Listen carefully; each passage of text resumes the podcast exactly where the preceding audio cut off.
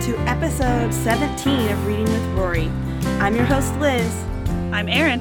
And I'm Sarah. Today we're discussing Backlash by Susan Faludi, published in 1991. It was referenced in season 3, episode 15, and in season 1, episode 9. Susan Faludi was clearly a household name for both Rory and Lorelai. Weird that a book about views on marriage and motherhood would be something they referenced, right? um, so before we say anything too controversial, let's start out with our Friday night dinner segment. That's where we talk about what we are eating. Okay, so Sarah, what are you eating? Um, well, I am having a little bowl of oatmeal with some blackberries and cinnamon. It's very healthy and hearty, and I'm very proud of myself. Okay, I'm proud of you too. Thank you. Just, Okay, you know, Erin? Looking for some validation. Appreciate it. Good job, Sarah. Slow Thanks, clap. guys. Thanks, guys. Um, so I am eating some banana pancakes. So those are like the pancakes where you mash up a banana and mix an egg in with it and cook it, um, with some Vermont or uh, maple syrup that I got from Vermont. Yay, that's exciting. Mm, that is exciting. And then some chocolate milk because I just got done working out, and chocolate milk is a great post-workout drink, and so I take every opportunity to use that. Good work. That is good work. Sounds and very healthy. that does sound very healthy too. Mine's super healthy. You guys are going to be really proud of me. Cadbury mini eggs Oh, yeah. because nothing says spring like Cadbury mini eggs. Um so um for those of you who do not make casual Susan Faludi references in your everyday conversations, um, allow us to give you the general idea here. Here's a description from Wikipedia about um, Backlash, the undeclared war against American women. That's the actual full title. Um, it's a 1991 nonfiction book by Pulitzer Prize winner Susan Faludi, in which the author presents evidence demonstrating the existence of a media driven backlash against the feminist advances of the 1970s. Faludi argues that the backlash uses a strategy of blaming the victim by suggesting that the women's liberation movement itself is the cause of many of the problems alleged to be plaguing women in the late 1980s. She also ga- argues, sorry, she also argues that many of these problems are illusory and constructed by the media without reliable evidence.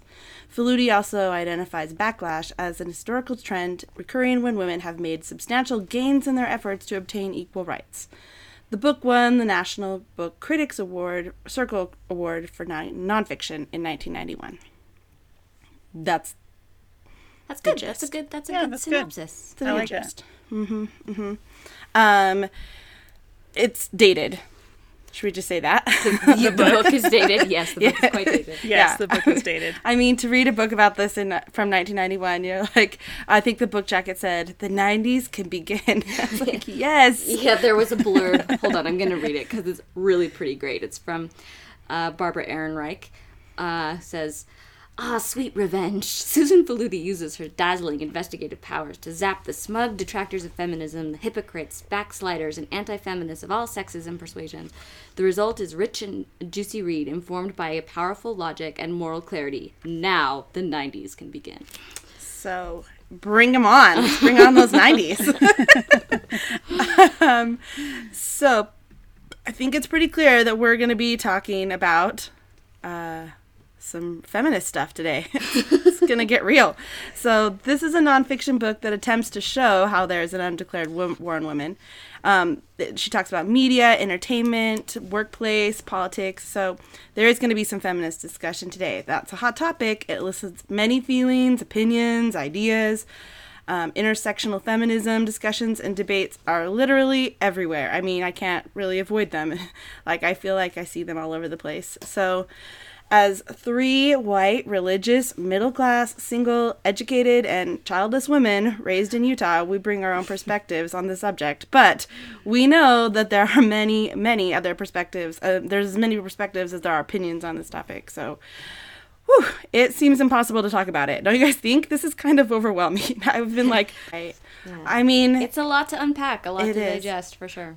um, I mean, I feel like there it's impossible to talk about it without leaving people out or leaving perspectives out and alien alienating somebody or I mean, as evidenced by Susan Faludi, she Yeah. definitely keeps it pretty a pretty narrow focus. She doesn't talk about women of color hardly at all. I mean, it's that's- a very white middle Yeah. class perspective. and that was her she was highly criticized for it too right so don't criticize us we're just we're just, We're just we well-meaning, nice Mormon ladies. just okay, want to talk about some stuff okay um, but some really heavy stuff. So, Yeah, yeah. Yes, you know, yes.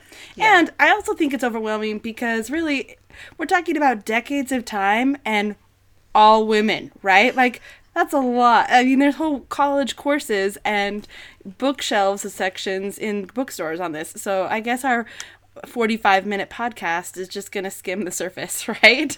So we'll do our best. Um, let's get started. Let's go like Women's Studies 101. Heck right? yeah. I So, what is feminism? Right? That's easy. No. Okay, Erin, go. well, no, well, let's all talk about it. okay. So I would like to, before we get into like too far into this, one of when I started reading this book, that was one of the very first questions that came into my mind. You know, I'm I'm reading through and I'm reading chapter one, and almost immediately from the get go, I'm thinking. But how are we defining feminism? What does this mean? Like, what is the foundation on which we're basing all of the like nearly 500 pages that are coming in this book. Um, and then I get to the end of chapter one, and I was like, oh, Susan Faludi defined it, and I actually like her definition. So, because I will say that until I read this book, I don't know that I ever really had thought very much about how I personally defined feminism. It was usually like, you know, oh, like women's liberation, women can do whatever they want, equal pay, pro choice, you know, like whether or not you agree with any of the tenets, like those were kind of the hot buttons that came to my mind. But there, it wasn't anything really more concrete than that. So on page 15, at the very end of chapter one, this is what Susan Faludi, says. So, um, she says the meaning of the word feminist has not really changed since it first appeared in a book review in the um, Athenaeum of April 27, 1895, describing a woman who, quote, has in her the capacity of fighting her way back to independence, end quote. It is a basic proposition that, as Nora put it in Ibsen's A Doll's House a century ago, quote, before everything else, I'm a human being, end quote. It is a simply worded sign hoist, hoisted ugh, by a little girl in the 1970 women's strike for equality. I am not a Barbie doll. Feminism asks the world, this is the part that I really like. Feminism asks the world to recognize at long last that women aren't decorative ornaments, worthy vessels, members of a special interest group. They are half, in fact, now more than half, of the national population, and just as deserving of rights and opportunities, just as capable of participating in the world's events as the other half. Feminism's agenda is basic. It asks that women not be forced to choose between public justice and private happiness. It asks that women be free to define themselves instead of having their identity defined for them, time and time again, by their culture and their men. And I thought, okay, I like that. I can buy into that definition. That's a good one. That's a great one. That mm-hmm. reminds me a lot. She's so a good I- writer, by the way. Yeah, is she a good is. Writer, uh-huh. yeah. Um, I took a women's studies class uh, when I was in college, and that was the like the very first thing. Right, was kind of like, well, we dive into this, but feminism is such a complicated, loaded word, right? That kind of like what you're saying, Erin. Most people like who haven't necessarily studied or and you know been too invested in this in this area kind of do just kind of surface level associate it with you know bra burning and uh, Militant. yeah yeah and like Yeah. and like I said pro-choice kind of thing and and when really it's to me and that's kind of where my definition of feminism started developing then and as i thought about it as, as i um, went through this book and um, and i even tried to write down like my own personal definition and what it kind of came down to and it was a, a term that jumped out of me as i read the book is, is self-determination right as she talks about women aren't a special subclass of human they are human and as all humans want to have the ability to want, want to have that um, I guess, right or whatever of, of self determination. You want to make your own choices. You want to be able to, um, and and how I had phrased it. Let's see. I said means I said feminism means believing in the personal, social, political, and economic autonomy of women. Um, and when I think of myself as a feminist, it means that I want women to be able to make the best choices for themselves and their families, and uh, and I think, you know, that can incorporate working at home. That can incorporate raising your children at home and not working outside the home. That can incorporate whatever works best for you. But I think in order for women to be able to make these individual choices to determine their own happiness, it there does need to be a framework of certain you know like a political and legal framework that makes it possible and and women have been fighting for those rights those legal rights for you know 100 150 years now and and it's that that's an important part of it to me too right? We i think there are policies and and laws that need to be in place to allow women to make whatever choice they they want to make. And i'm not i'm not talking about abortion i'm talking about whatever right? I'm talking about like you know, paid family leave or other kinds of things. I do think that there are it it, it is as simple as self determination, but I do think there there needs to be policies in place that allow those w- women to make those choices for themselves. So that's where I come down on. Yeah. Yeah, I like that. I think that's so true, and I think that those policies, like, in order to get them, there has to be like representation, right? Like Yeah. voices have to be there. So I think that that kind of helps. I mean, that's where my definition is pretty like um I mean, I do agree that I think I like I think of feminism and equality kind of together in my mind, right? Like why why should one one gender be given more rights and more privilege than another? I don't really know, but um I guess my definition is more like um it's freedom to be who I am and who I am really matters. It's not like what my vo- uh, our voices can be heard, which I think is and used and utilized, I guess. So, I mean, that's kind of a broad. I mean, there's a lot of ways to define it, but I think that just kind of simplified it for me a little bit.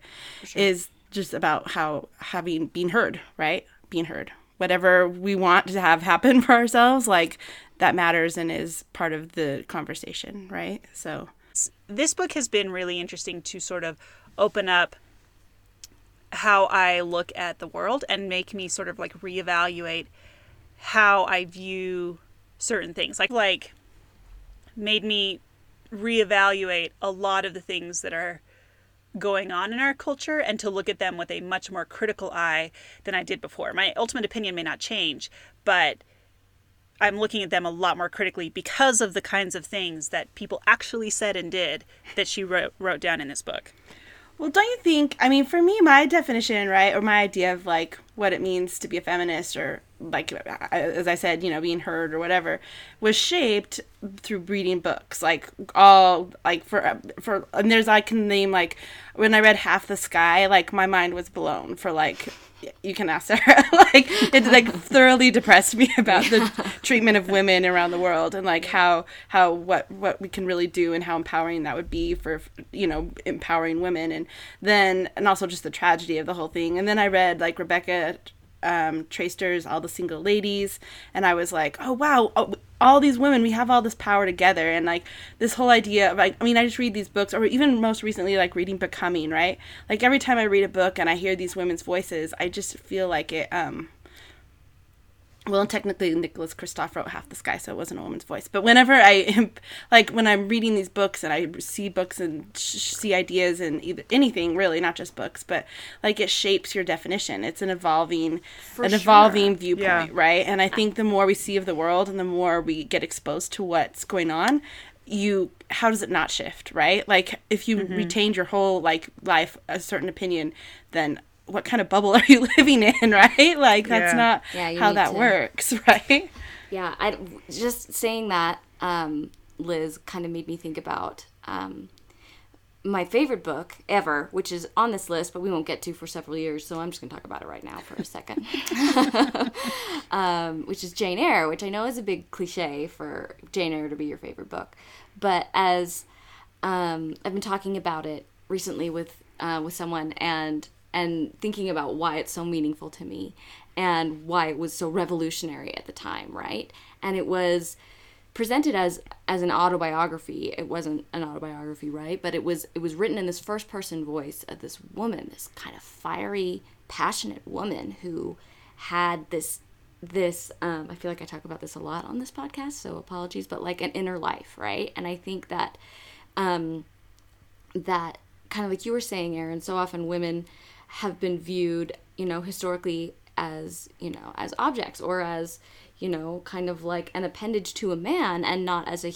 a human in and to herself. And i think reading jane eyre at a young age for me really kind of uh, brought that to such vivid life as far as like a woman's um, just personhood and and her own uh, like expressing herself and her needs and her wants and her passions and and um, and I think that's that's the soul of feminism, right? It's not it's not necessarily self gratification, like just women doing whatever they want, but it's self determination, and I think that um, being exposed to that in different whether it's in literature or whether it's in like all these killer nonfiction books like what we're reading today or the ones that Liz listed, I think that as we can you know, be more exposed to different individual Spice female- Girls. Yes, Spice Girls, girl power. um, Enter, let's just turn this into a Spice Girls appreciation podcast. Yeah. Well, no, that's what I was just gonna put on the playlist for this. but no, I just think I think as we as we open ourselves up to the experiences of other women and not necessarily our own insular worldview, Yeah. but like I think whether it's through literature or it's through whatever, I think that it it helps us um, kind of see that larger picture of it. Yeah. Um, so should we talk about our very unscientific poll here? oh yeah. Uh-huh. Okay, so in preparation for this podcast, we decided that we wanted to ask other people how they define feminism. Because, you know, what we're trying to establish here right now is sort of like what is the baseline? How are we how are we defining this? How are we looking at the idea of feminism and making it a little bit more concrete than sort of this like nebulous term that's just kind of out there in the ether.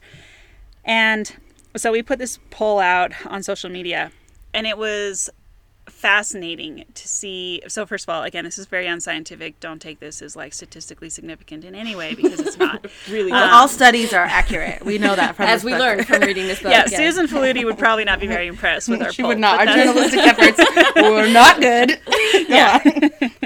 but that's okay. Um, anyway, it was just really, really interesting to see how people were so, um, like reticent and reluctant to even define the term.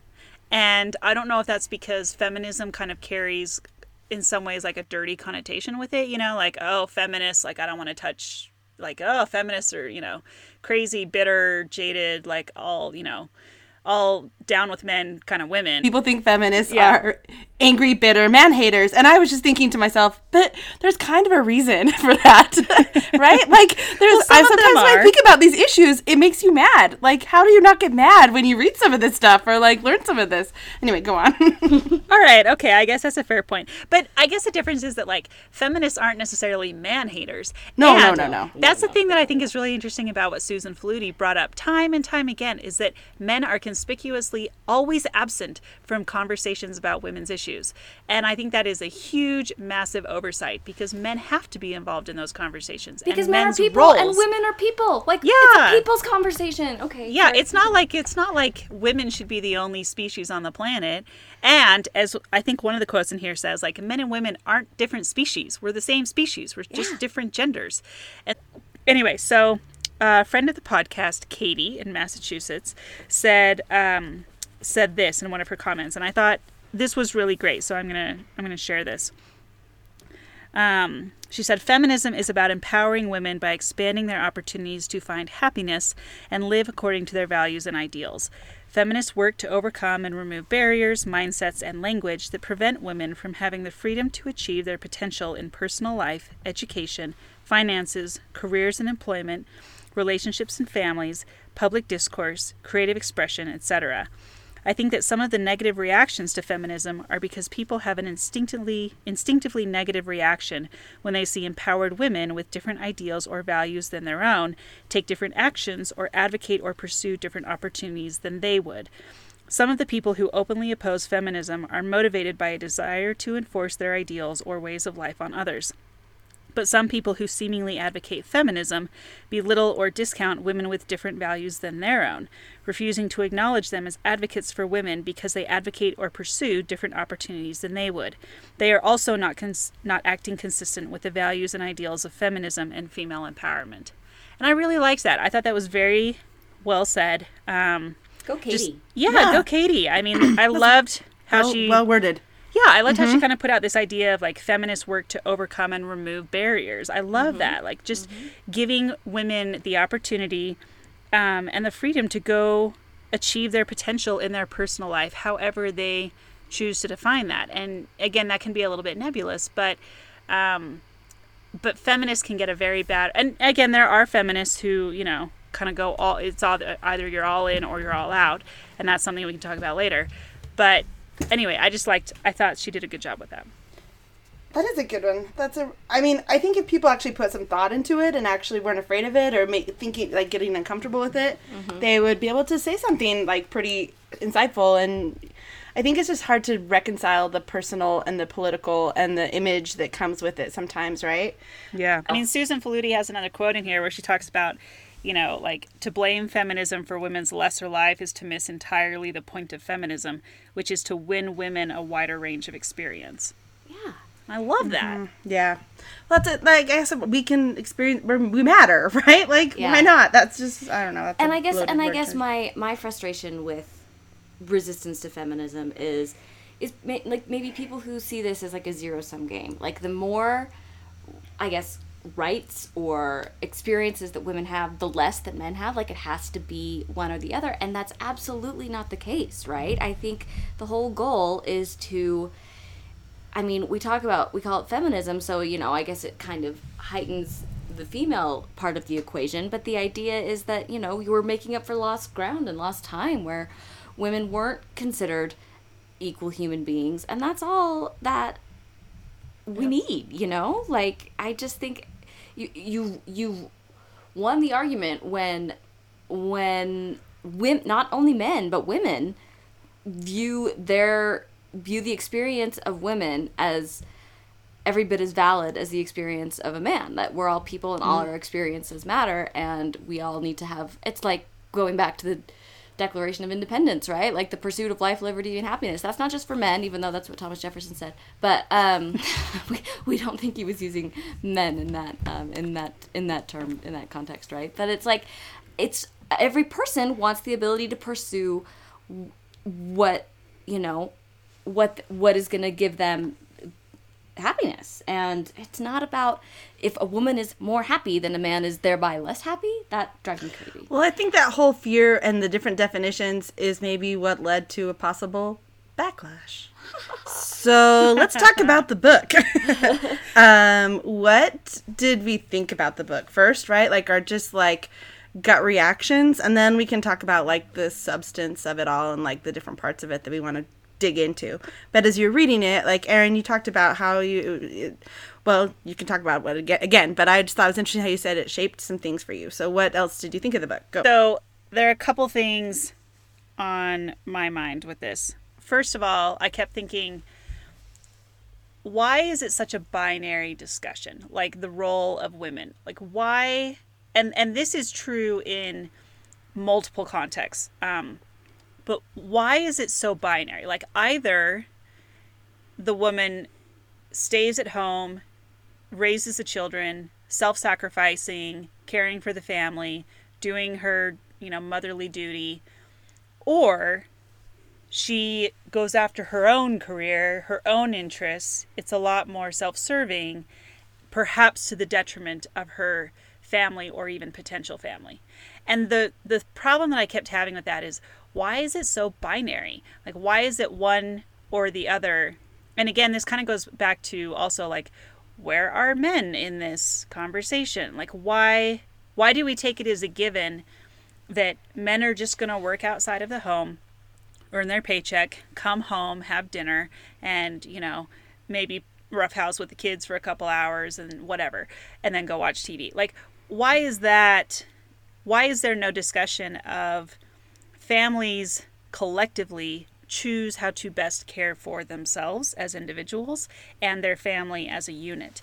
And that may sometimes mean that men and women are both sharing in household duties. Men and women are both sharing in the raising of children and dealing with the issues that, you know, like, so maybe the husband goes to school to pick up the sick kid on one day and the mother does it another day. But again, like, why is it so binary? And that really bothered me as I was reading through it. Like, it, it's only about what the women are choosing to do. And when women are choosing a different path, no one else is changing, nothing else is shifting. So the burden of that choice is resting on the women's shoulders, and there's no opportunity to fill in the gaps elsewhere. Does that make sense? Yeah, Yeah. and I think I think that's a really good point. I think that highlights again just how dated the book is because I think that I think we're Um, getting better at that. I think it's much better than it was. I'm not saying it's perfect, but I'm saying I even just looking at my brothers who are all fathers, right? And how, you know, I think or my friends who are fathers, I I, I do think that it's a more active whatever. It's not quite that same binary whatever that you're saying. Yeah. but I think do think it's in 91. still. I mean, I do think it's still an issue. You know, like I don't think that we have solved that. I mean, companies Oh, sure. are Yeah. like you know, companies are doing a better job at offering paternity leave in addition to maternity leave. And I had a lot of coworkers in Boston who would take advantage of that, and they'd be gone for oh, you know, a couple months. Even a, I have a coworker here in Salt Lake now who's doing the same thing. His wife just had a baby, and he's taking time off to be with the baby. And so I think we're getting better at it, but I still don't think we're really Oh yeah. You no, know? th- yeah, it's nowhere near where it, it could or should be. I agree. Yeah, that's a good point, Erin. That's a really good one. So, Sarah, what did you think of the book? You know, it's a lot to um to it uh, taken as a whole. I mean, it's fascinating and it's so well written and um but I, I think I think I what I kind of struggled with was um just the essential framing of the book as a backlash like that like history is so neat and tidy as like progress backlash progress backlash. Like i didn't i didn't really buy that and i don't know that she necessarily sold it. And um, i was reading um, i was reading about i was reading some stuff about the book um, and i found this that kind of summed it up how i felt about it, it better than i probably could it's uh, by a writer named adelle waldman and she was writing in like a series that um, was published a few years ago where they had like different prominent writers that were like rereading this book and kind of working through what it means um, in a modern context which hey is you know pertinent to what we're doing today Good idea. I know. anyway, so this is what Adelle Waldman said about it, which I agreed with. She said, Oddly enough, as much as I admire and appreciate the book, for me, one of the weakest parts of Backlash is the idea of backlash. I am interested more in her larger argument about the way forces in the culture are apt to latch onto certain narratives about women than I am in setting the 1980s against the 1970s. This is not because I necessarily think Faludi is wrong in her diagnosis of either decade, but because I don't know enough about the cultural products of the 1970s to have an informed opinion, and because I am less interested in labeling or characterizing this or that decade than I am in her scrutiny of the way certain narratives about women are propagated, which I think is unfortunately timeless. Um, and I thought that was well said in the sense that like the book taken as like the 80s as a reaction to the 70s I, that didn't really connect with me even though that's like what it's all about. Um, but more as just kind of like these issues are always present and maybe this is how they manifested themselves then and i guess that's interesting as like a almost like as a historical document but um, i'm more interested in the larger conversation than i am in like the backlash of the 80s to the 70s you know Yeah. So that's a good point. Too. I think there is a framework to it though that talks about that historical um like where where it sits in history. And for me when I was reading it, my reaction to it too, my response was like this is so dated. I mean, this is really so dated all these references, but then they're like and Rush Limbaugh and I'm like wait, he's still around. So I'm like, oh wait, I live in Utah. We're still kind of maybe stuck back in that 80s a little bit. like we haven't progressed as far as other places have in a lot of these areas. Uh, there's whole studies that reveal it that maybe I shouldn't listen to or not. But apparently, did you guys know that? Hold on. Uh, this is a fun fact as far as a study goes, but um, Liz, remember to be wary of studies. I know. Yeah, is this a Susan Faludi approved study? well, I mean, I don't know, maybe, but it was published. There was one that was published, and it was putting Utah. Where was it? Oh yeah, I'll have to find where I wrote this down. So, oh yeah, it says this. Um, it said that from a study published last year, Utah has the largest income gap between men and women, and it has the largest educational attainment gap in the nation. Um, we're 46th in the largest executive position gap, 48th in the largest work hour gap, 43rd in political representation, and 49th in unemployment. Um, our big inequality problems between men and women in Utah workforce, they're still there. And then this other one that I thought was also very interesting is they said what was the like I don't this was published in the Salt Lake Tribune, and I can't give you the background of the study. I need to study that. Thank you, Susan Faludi. I will do that. But um, the, it ranked Utah as the second most sexist state in the nation. Um, behind Arkansas. So this said that mean- we have the most sexist attitudes, and it said one of the reasons I think this is interesting is that women's own internalized sexist attitudes. Um, and I was like, ah, okay. Yeah, I think a lot of this is like unnecessarily pejorative because I know. Utah's pretty complicated and there's a lot behind those numbers that Yeah. that those numbers for sure for sure yeah. i get that so i was reading that from like a study standpoint i'm like well i live in like a lot hasn't changed and then i'm like but wait i should just trust what i see and not necessarily be like an informed person and not necessarily just read these studies and be like uh-oh utah like Yeah. so anyway i guess my point is is like the book made me think about women's issues and how to like think of them in a more critical eye. And um as they that gets into some stuff I as they sure. go forward to um and where we and and how we've progressed right? Like and how how she can't label that. And that is not there's lots of ways we've progressed and lots of ways we haven't. And there's the, the, this book just highlights a few interesting viewpoints and it opened my eyes to some stuff but not i mean nothing was like really like groundbreaking it made me sad that i liked overboard And Baby Yeah, she Boom. really didn't like Overboard. I know. I love Baby so I was like, "Oh, that's a response," but okay, I get it. And now Um, I'm gonna write like the the like if the since it's 2019 and you have like the you know think pieces that go back and forth about like this is bad. No this is why this isn't really bad. It's really good but this is why that opinion is actually bad. So um I I would write mine in like a furious defense of Baby Boom because I deeply love that movie. It's so good. yeah, but th- that's also the dated reference when they're like, uh, also the dated reference, and we could talk about this in the pop culture part too more. But like Roseanne, like she holds up Roseanne as like Yo, I know. and it's like "Rrr, doesn't age well. Anyway, so anyway, that's my response. But I really actually think we need to like get into the meat of the book a little bit, right? So what I think is going to happen here, ready, is you're going to there's lots this book has five sections or is it five sections or three sections? Four, well, four part, Yeah, yeah, yeah, yeah. four parts. Yeah. Four Four parts. parts. four parts and there's lots of little mini chapters and she kind of like breaks it down into these subcategories so what i was thinking we could do is like really dive into some of the sections and the categories that really like jumped out at us there's no way we can cover the whole thing and really talk about maybe what it said about back then or what it says about today or both or just tell us like some impressions from specific parts of the book that really um, resonated or shocked or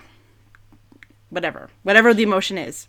Um, so, Erin, you had some shocking things. I can't wait to hear. some shocking statements. um, yes. Well, I guess for that one, we can go first to fashion because that's where my first shocking statement. And there are so many shocking statements throughout this book that I'm like, well, and part of me as I was reading it, I kept thinking.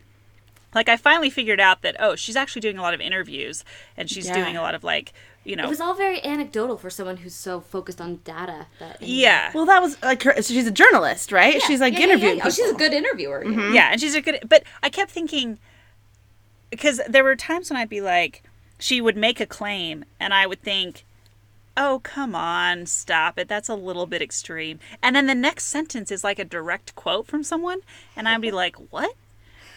Anyway, um, so, okay. Gosh, where do we even start? Let's start with guess. So what part of the book? Oh, so Guess the jeans. Yeah, this is the fashion part um, in part two. Guess jeans. Go.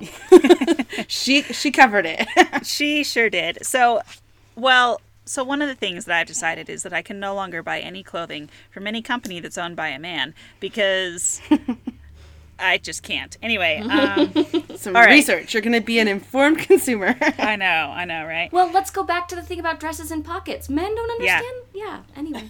Well, isn't that, I thought I read somewhere, I, we should probably look this up to confirm, but there was like a thing where like it was a very conscious decision not to put pockets in women's skirts because it made them more dependent on men. We might have to confirm that. But It's true. I'm Let's just sure say I read that. Yeah. I am so dare mad they? right now. See, this is We're why there's get- angry feminists. We're gonna get angrier as this goes on. um, okay. Anyway, so um, but this even goes back to the whole like Victoria's Secret third love thing. Um, yeah. you know, and the the debate between them and how the Victoria's Secret guy, you know, for those who haven't read it, there was like this article recently where the uh, CEO of Third Love wrote some response to what the C- or what someone in Victoria's Secret had said about anyway. Okay, moving on. Back to Guess Jeans. So, um, so they're talking about how um, the it, it was the advertising specifically of Guess Jeans and how they promoted their advertising. So they they marketed what they called the Guess Mystique. So it was like grainy shots of the American West, and it's like tall cowboys on horseback, and then you know timorous women in wheat fields and small town 50s America and all sorts of things. And um, they generated a ton of publicity and public disapproval because some of the shots just featured what she calls raunchy sexuality. And um, people just did not like it. Anyway so she is apparently interviewing um, like one of the main guys paul marciano and talking to him about the advertising. And because he's the guy in charge of advertising and so this is what he says. He says, when, when I came here, um, I think they were from Italy. Um, he says, when I came here, I fell in love with the American West. I set the ads in the West because you will not see any change there. That seduced me tremendously. And then uh, Faludi says, most appealing to him about this region is its women, who he believes remain untouched by feminist influence. In the American West, as Guess's coffee table photo book on Texas observes, quote, Women are treated with great respect, but it is assumed they know their place, which is supportive, and their function, which is often decorative. End quote. And I was like, what? What? Anyway, I was kind of freaking out. Like, like it sets my hair on fire. Yeah, it kind of does. So then later on at the end of this chapter, um, they're, um, oh, and I guess they did like a whole thing where they brought in like the guy who did Fatal Attraction, and he like anyway. So it's like this Fatal Attraction line of advertising. Um, and they later like got rid of that not because the ads were too demeaning or violent to women because some of these ads i tried to even look some up on google and i couldn't figure out the right google search but they were like downright abusive where they're you know anyway yeah it was it was really really bad um but he says that uh so they move on past the fatal attraction stuff. And he said not because they were too demeaning or violent but because um but because they were too sexually graphic for mainstream presentation. And um okay so instead guess substituted an ad campaign with cowgirls sucking on their fingers. They gazed into the camera with startled and vulnerable doe eyes Bambi's before the hunters. And so this made me think about in a recent well, somewhat recent, like a few years ago, I had gone out with this one guy a few times, and um, he had like been pursuing me like pretty, like he was definitely the one doing pursuing. He was contacting me, he was asking me out, etc. And then I started to kind of like reciprocate and you know reach back out, because you know, like you start developing interest, right? Like it's normal, and um, he started pulling away, and at one.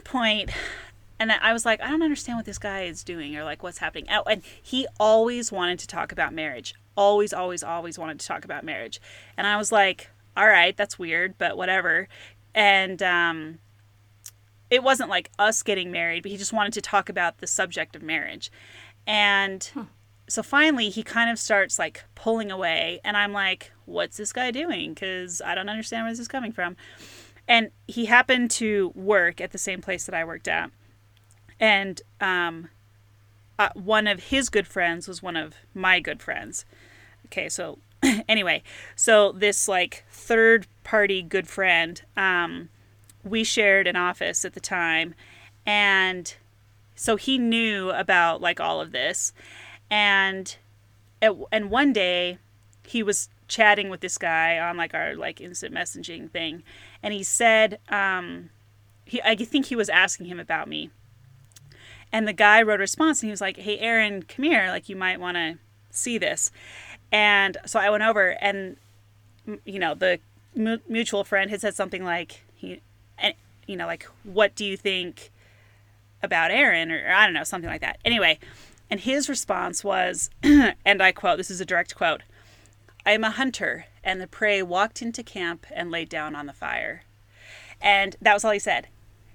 And I was Okay. Well, wow. I was livid. Like yeah. it's the first time in my life that I have ever understood the phrase seeing red and I was so angry that that's how he was characterizing me. And um, I'm like, first of all, I'm not prey. In what world did you think that I was prey? And second, are you kidding me? The prey walked into camp and laid down on the fire. What are you even saying? And um, my friend was like super shocked at my response. He didn't think I would have that severe of a response, but I was so livid. Anyway, so when I read this statement about how, um, you know, they gazed into the camera with startled and vulnerable doe eyes, Bambi's before the hunters, I was like, oh man. Okay, anyway, that's all. Well, I'm like really Fashion. surprised that relationship didn't work out. Yeah, that's a sad one. I mean, but Oh, still, gosh. like if clearly there's a sub- objectification and like mm, Again, they're not looking at you as I mean, it's a metaphor, obviously, a stupid metaphor, but it's um but yeah, it's like if if you're not seeing your you know, okay, I'm going to harp on this too much, but you get the idea. Women are people. Continue. you're Jane Eyre. She has she has a soul. Yeah. We get it. So so no buying Guess jeans is the point. No buying Guess jeans. Got it. Did you ever buy Guess jeans? No, they were way too hmm. expensive. I was born in 1985. Of course I didn't buy Guess jeans. Do you guys remember Guess jeans? yeah, aren't they still around? They're still around. Hmm. Not the same degree. There was a thing. It was a phenomenon. because- like those jeans were like, oh, they're wearing. She's wearing designer Guess jeans. I mean, I was in elementary school, but still, I was like, oh, Guess jeans.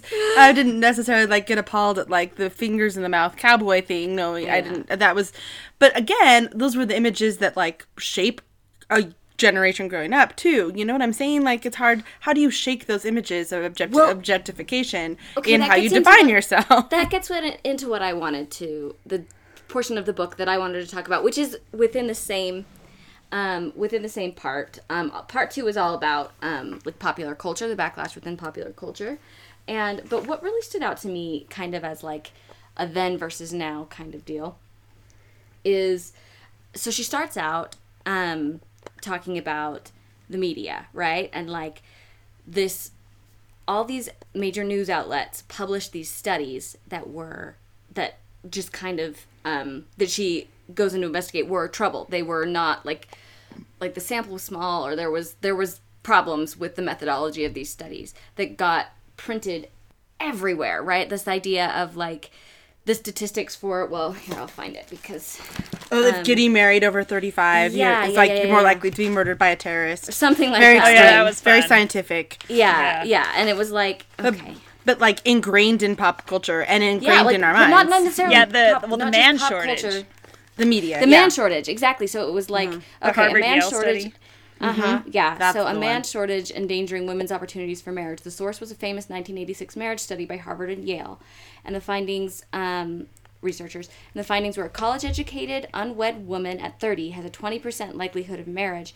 At 35 a 5% chance and at 40 no more than a 1.3% chance which is where i think the whole you know you can't get married after 40 more you're more likely to get killed by a terrorist than you are to get married after 40 um, uh, and then talks about um, infertility academic, um, like the economic um, status of women after divorce, like, and th- some of these studies, obviously, The daycare studies. the day, like these studies were. Um, there may have been some problems in the methodology, but they were reported so widely. And what I think is so fascinating about the difference between then and now is how we consume that information, how we consume these messages that are being given about what, um, you know, what we, ha- ha- you know, respond to as women.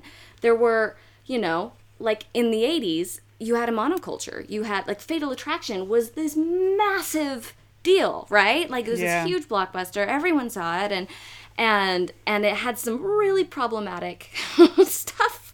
Um, Susan Faludi goes on and on and on about it too. She she should. She should. uh, the- It's- yeah, it's up, it's so. upsetting the idea of like you know this um, this career woman in her late thirties is goes on like a murderous streak because she's so scared she's never gonna have children or something. I haven't seen or get married. Yeah. yeah, Yeah. and um, but it had to do with like the biological clock, right? So, um, but what was so fascinating to me is in the 80s there was this delivery system um, the media acted as this as this delivery system whether it's the movies that everybody saw or whether it's these news magazines that everybody read the circulation back then was in the millions people don't, now our media culture is so like infinitesimally small everybody just reads their own little thing and it's like the the the, the huge influence that social media has now Even the we- internet in general, right? well, But exactly. yeah. Mm-hmm. Like how that just massively changes things because we didn't have an internet before where you could kind of tailor how you're getting your information and what information you're getting. Before it was like, okay, here's this one flawed study. It's going to be printed in every newspaper and the majority of Americans will read it and it will really affect this conversation and and and how how that's happening whereas now it's so splintered that I don't know that there is this um like single message that women are receiving. It it so depends on like the algorithms of the different ads you click on and what you're you know what I mean? Like it's it's so so so different, but it's still obviously there's still problematic stuff that we're so yeah, I think that the the huge major change has been again in how we're receiving these images. And the internet has has been um, just i mean you can't oversell how important it's been in that in that respect. And and i just think it changes the my point is i just think it changes the message that we receive because everyone isn't seeing the same thing like they were Well, I can't really think of a movie. Um, I mean, I've never seen Fatal Attraction. I'm guessing neither of you have either.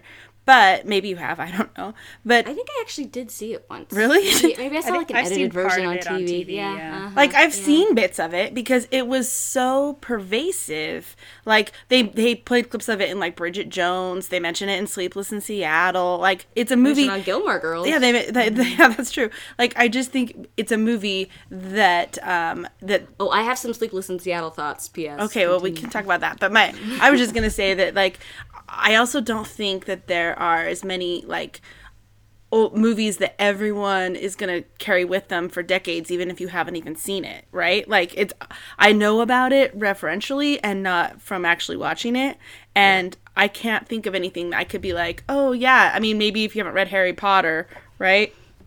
you might be able to carry on a conversation about the impact of Harry Potter. But I don't. I mean, I think there's other examples too. But I just don't think that, um, as far as your monoculture kind of goes, that we do have because there's so many more things to see. Audiences are smaller and impact is smaller. Is really like how I kind of see it. I mean, It's just such a different media environment, and the way we get our messages is totally changed. Yeah. I don't know. I still don't totally agree with that, but I think we can. I think it has changed. I don't know that it, it has changed with the kind of impact as much as we might think, but um, but I think we probably can move on. I think it's hard to No, I think we can also talk about like that study like th- is if we're speaking of impact not necessarily the impact of that monoculture anymore but like the studies that she talked about right like how when in backlash she talked about how it made women feel like oh no i have to go out and hurry and find a man or it made men feel like women were all baby hungry or whatever it is right? Like when i was reading those sections i was kind of like oh man right? Like that does happen. People like what are the perceptions of single women in their career women right? Like i don't know like if that was that the perception in the 80s what is the perception now? Like i don't really I should probably more be be more introspective than I am, but I'm like, do people see me that way? I hope not, right? Like, Well, I guess that's I guess that's what what I'm saying. Like a lot of the things that people say, I think there's still messages that are being sent today. You know, like you still, um, like it actually kind of surprised me with Captain Marvel that there was not a love interest in the movie because a lot of times there is. Um, I mean, even even in the other like Marvel movies, when you have like Black Widow, Scarlett Johansson's character, sh- they still do like a love story thing there for her, even though she's like a die-hard assassin that would probably never have a love story. But, um, but like you still see it, and the whole like man shortage. I mean, and maybe this is partly like my perspective, but at least in like the church that we all belong to, the the idea of the man shortage when you get into your 30s is a real real thing. And we talk about the ratio all the time and the you know the lack of dating opportunities. It's a real thing. And people are always trying to figure out how do we get the singles married. It's like a constant conversation. And i don't think that that is exclusive to our faith but i i mean I, it might be more prevalent in our faith than in other places but it's still a topic of conversation. Beauty, like you still I drive down the freeway here in Utah and I still see ads for all kinds of plastic surgery, crazy kinds of plastic surgery. And, you know, like we were having a conversation about all sorts of like, you know, eyelash extensions and like all sorts of beauty things that are great, but like, you know, and then you have random people like Alicia Keys who are like, well, I'm just done wearing makeup. I'm not going to do it anymore. Right. Well, I think the, um, you know, Utah has its own culture, right? Its own own things we've talked about. We've hit on that a little bit, but I mean, I think that on a national level, I would imagine that there isn't quite the like panic in your 30s if you're not married that there is maybe here. And I mean, I don't know for sure, but I just think from people I know that live out of state, You would know more than Yeah. you would, Erin. Yeah. Yeah, I mean, I, st- I think it's still a thing. I think the age at which you start to panic has gotten older, um, for sure. You know, people aren't panicking when they're 25. But I have a lot of friends and coworkers who were in, you know, long term serious relationships in school and then were starting to get married as soon as they started their careers. And most of them had not even turned 30 yet. They were still they were close to it, but they were just under 30. Some of them, you know, were a little bit over 30, but by the time you had people who were in like their mid 30s, most of them were married. Yeah. And most of them had either had children or were starting to think about having children. So I, I mean, that is still normal, yeah. But I just meant like the perception of people who are single. It's not like the. I think that might have. I don't know. Go on. I don't know. I, I don't think that there's as much like, oh, you're a single working woman, therefore you're completely uh, like not marriage material. I don't think that, that stereotype necessarily still exists, but I do think that the panic is still there and the idea of the man shortage. I mean, just take a look at the number of dating apps that exist now and the number of like you know, I saw a dating app for a, or an ad for a new dating app recently, right? It's called like Ship or something, and it like you text your friends and your friends help you determine if this is a guy you should go out with. Like I don't know, that seems like a really stupid and overly complicated dating app.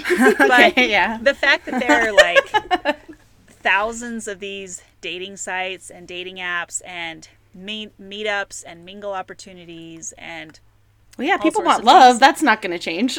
well, yeah, but I guess my point is like I don't think we have gotten away from the idea of the man shortage or the scare as much as we think we have.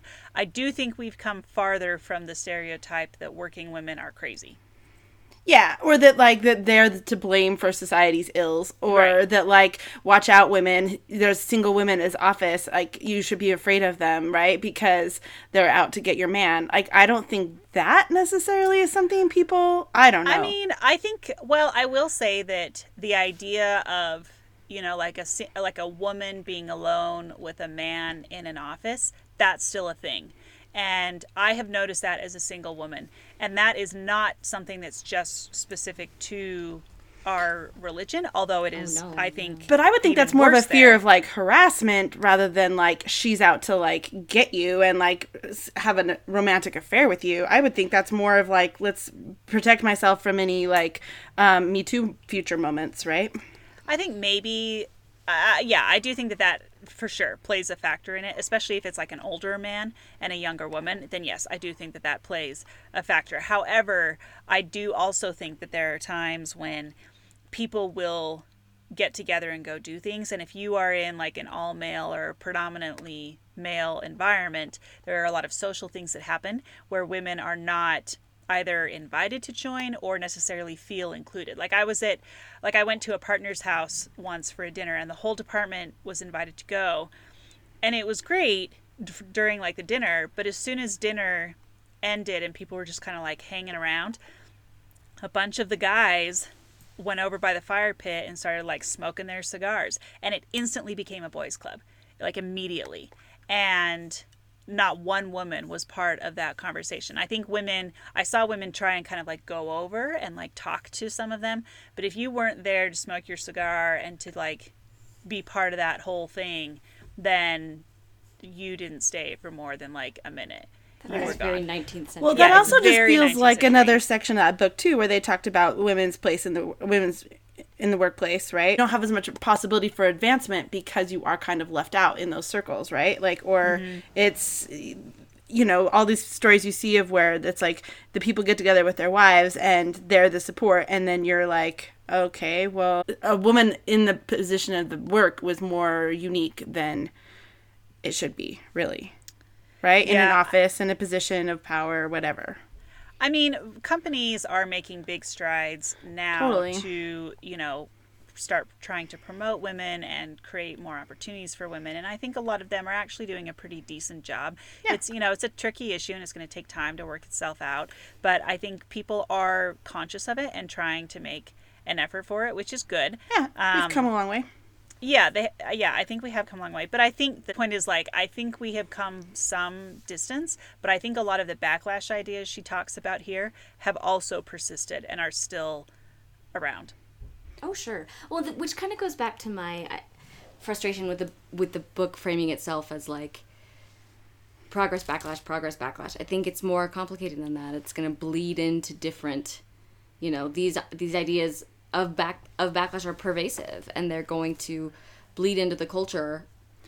Well, there's always always. going to be reactions, right? Like, don't you think that there's been like moments where you see a reaction, like the fact that so many women ran for political office this year? Like, there's a reason for that. That's a re- there's Yeah. a reaction to that's a reaction. It's a movement, right? But it's not necessarily like a backlash. I just think that there's like historical things that happen or things that happen in the world, and then we react to them, and people or like the whole Me Too movement is a reaction, right? Like, there's things that are seem That progressive. feels like a pent up reaction to like Totally. thousands of years. I you know, I know, mean? I know. Yeah. Um, yeah, agreed. This is, oh yeah, this is something that Susan Faludi said. I looked this up um, from that Backlash Book Club that you mentioned earlier, Sarah, where um, they kind of readdressed the book in 2014, and she said this. Susan Faludi? yeah, yeah. So mm-hmm. she, so there was a s- section that she kind of wrote in there about it, and she was talking about like what she sees and how she sees far, how far we've come and all of that, right? And I thought it kind of was very applicable here. So it says, as important as it is to be hammering on the issue of sexual assault, I wish there was more attention being paid to bread and butter economic issues. What's forgotten is that women in the U.S. are facing record rates of poverty and rising occupational sex segregation. The top 10 jobs for women are the same as they were in the 1950s and 60s home health care aides, sales clerks, grade school teachers. Economic inequality is clearly a huge force in society right now, and how that affects women often gets overlooked. We compliment ourselves that our era is more enlightened, more progressive, more inclusive, even as gains that women thought they'd secured slip away.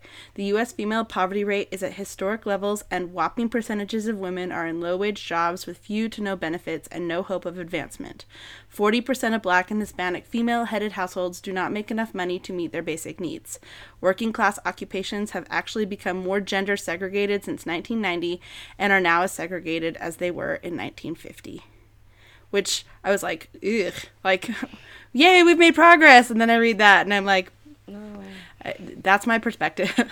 like, we're making progress. Maybe some of us feel that way. I don't feel quite this, like, threat of like being perceived as a crazy single lady but then i think oh but wait as a country It won't be ignored, Dan. exactly as a country maybe we still have a lot of room to grow right Yeah, I think we do. yeah I think oh, we do. absolutely. Uh, I think everyone can agree with that. yeah. So, um, yeah. So what's interesting is that, like, from my own experience, I definitely feel like um, there have been times when people have looked at me as kind of like, ooh, like you might want to tone it down a little bit, or you like you might come across as a little intimidating. Your ambition might scare people, namely men, um, etc. And You don't scare me, Erin. yeah me neither cool well, thank you, thank you guys. Um, but like, there was a guy that I dated um, for a little while, and um, after that ended, um, one of the things that he, a- at least what he told me, is that he just had a really hard time sort of envisioning like what his role in the relationship would be. And he didn't know where he would fit in to things, and um, he just didn't like that. And anyway, and I told my parents about this and like each of them independently were like you know maybe you might want to try like you know don't hide yourself but maybe like wait to bring some of that out. And i like with both of them i just had this like really strong kind of severe reaction. I was like what do you want me to do? Because conversations at least at the time when i was in grad school typically go like this hi what's your name? So and so what's your name? Erin oh that's great. What are you doing in dc erin well i go to grad school. Oh that's great. Which school do you go to? Georgetown. What are you studying? Oh i'm getting a jd mba end of story. Like that's it. Like if it's going to be intimidating like that's it. Like what do you want me to do? And i just had a really difficult time with the whole like you got to tone down your own ambition or yourself to in order to attract a man and anyway so i kept it, i kept reliving those feelings as i was reading through um, like uh, section four at least the first part of section four when they're talking about women and marriage. And so here's some fun quotes. So this is um, on in chapter 12 and they're talking about um, so here's the quote. A lot of women this is a like um, self-help therapist guy they're saying a lot of women are obsessed now with getting married it's all they talk about when you put off your needs you create personality disorders and all these women in their late 30s they're getting very anxious very upset i mean the best-selling book now is how to marry the man of your choice and then in quotes um, susan faludi said this is margaret Kent's book that came with a money back guarantee for unsuccessful spinsters. So that was fun. And then um, they talk about how. Um, where's another one? Yeah, so there's a book out Rules for Finding the Right Man. Oh, no. the rules Yeah, the rules for finding a right man in smart women. Rule number eight was fewer expectations lead to greater aliveness. And then this other quote: the What the hell does that even mean? I know, right? and then um, the desire to avoid a submissive status in relationships can, li- in relationship to men, can lead you into a loveless life. Um, and then if a man mistreats a woman, she probably asked for it. A resistant woman picks a resistant man. Um, what we help single women to see is how what they think is a problem with the man is really something inside them. And then Susan Faludi asks, Well, don't men play any role in difficult relationships? And then they say, Well, probably it is a 50 50 proposition, but this book is focused on women for the purpose of clarity. So that Like, was good for. Susan Faludi for p- calling them out because honestly, like we Yeah. should be seeing that for like we're being taken advantage of. Those people are like either hiding the problem or um, making money off someone feeling Yeah, sad and preying on alone. your own Right? Like insecurities. w- I have issue with that. yeah, well, yeah, for sure. Um, but the last thing I want to say about the the like this in general, and then I guess we I want to talk about like the women's march, um, and how the women's march was highly criticized for not allowing pro life groups to join back in 2016 when they did the march on DC, and I think that the feminist camp has a really difficult task in that it needs to promote all of these ideas and you know opportunities for women but to also allow women to make their own determinations on how they think their lives should be run and that was one thing i had an issue with as i read Faludi's book it was you are all in or you are all out and there are there can be varying levels of feminism that all support the agenda of women having greater opportunities. But just because someone is pro choice versus pro life does not mean that they're not a feminist. And that's an easy one to use, which is why I use it. But, you know, you can you can believe in a variety of different things that are informed by your upbringing, your religious views, all sorts of things that are completely 100% valid but don't necessarily mean that you have exactly the same views and philosophies as Gloria Steinem or somebody else. And that that should be okay. Feminists have to be able to support women have to be able to support each other in those differing viewpoints. Otherwise, it's not equality for all, it's equality from my point of view. No, I totally agree. That's all. yeah, I mean, I think women should support women, right? Like Yeah, I think we just have to have a discussion and leave room room for disapproval and and or disagreement rather, not disapproval. Um while still, you know, trying to support larger goals and not getting too hung up on yeah, the purity of I don't know. I think, but I mean, I think Susan Faludi was actually showing a lot of cases too, where other people. I mean, you mentioned the Women's March too, but in Susan Faludi's book, she's mentioning women who believe so strongly in their point of view that they um, show they, they, they suppress what other people can do legally, and in other like they make they pass procedures or they pass not procedures like laws and policies to enact that also take away a woman's like ability to do something that they want to do. So I think that it's when your opinion becomes something that um, makes decisions for other people is when it also I think can be problematic. Now that hasn't doesn't have to do with the women's march, but I'm just saying I think if we all support each other, like that's fine. We can do that. We should do that. It just shouldn't be like p- trying to make everyone think that I have to agree with you, right? That's never going to happen. so Yeah, and I think that also doesn't mean that we can't argue about it because Yeah. some of these topics are really hot topics. Again, you know, like the whole like abortion thing, people have completely valid arguments on both sides of that issue and the public debate about it is healthy and is good. So just because you're supporting each other and the right to believe different things doesn't necessarily mean you agree with the Yeah. other opinion. Right. Yeah, it's how we just are there. We I think it's hard enough. We shouldn't make it hard for women, for other women. like there's enough men to do that for us, right? Like just kidding, man. I love you. Um, We're not man haters. no, you guys are cool. Um, so um, the next part of the podcast where we also um, talk about pop culture, you know, everyone's favorite segment. Um, we're not going to talk about all the places that mention Susan Faludi because, well, I don't want to. Instead, let's talk about all the different. Well, we'll just make a list. We can't really talk about it. We are done, but we can talk. we about, talking for too long. we can talk about how she mentions Mary Tyler Moore, Days and Nights of Molly Dodd, Roseanne, Thirty Something, Murphy Brown, Cagney Lacey, The Cosby Show, Unmarried Women, Woman, an Unmarried Woman, unmarried woman. Yeah. um, Fatal Attraction, Overboard, that kind of broke my heart a little bit. Baby Boom also broke my heart a little bit. Three Men and a Baby. I mean, these were like my shows, you know. So I was like, "Yay, I love this," and then I'm like, "Oh, this is problematic." anyway, Um, so they definitely, she definitely references pop culture and uses that, and I think it makes it accessible to people to understand um, at that time, especially too, like what what we're seeing and how it impacts us.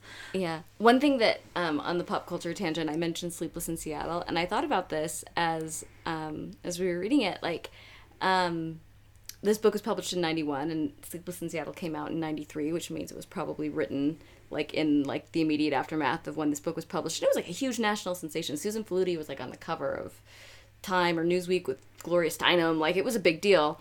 And you know, talking and and she in the book she talked about you know the statistics about the terrorist stuff and I was like, it's just like in Sleepless in Seattle where they're sitting around talking about like I can still just hear like where like the coworkers like it's more likely for a woman to get killed by a terrorist um, than get married after 40 and Rosie O'Donnell Rosie O'Donnell's like that's not true. That statistic is not true. It feels true It's delivered so well.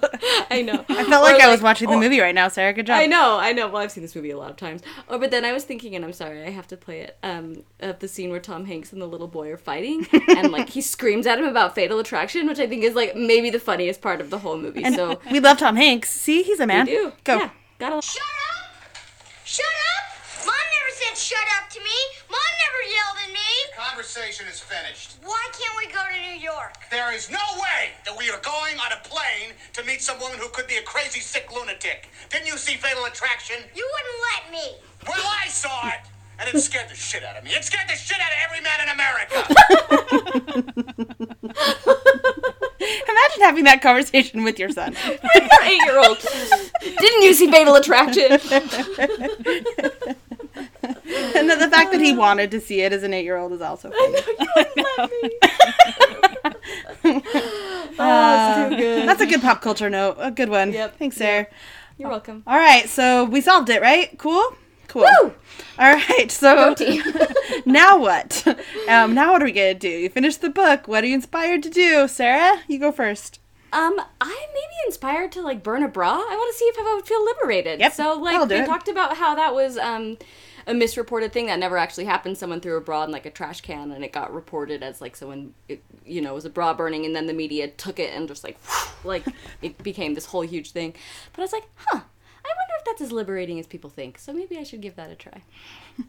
I need my bra. I'm not gonna burn it. Just burn it from Victoria's Secret. yes, I'm gonna burn my Victoria's Secret bra. Uh, yeah, that's a good point. Erin, go ahead.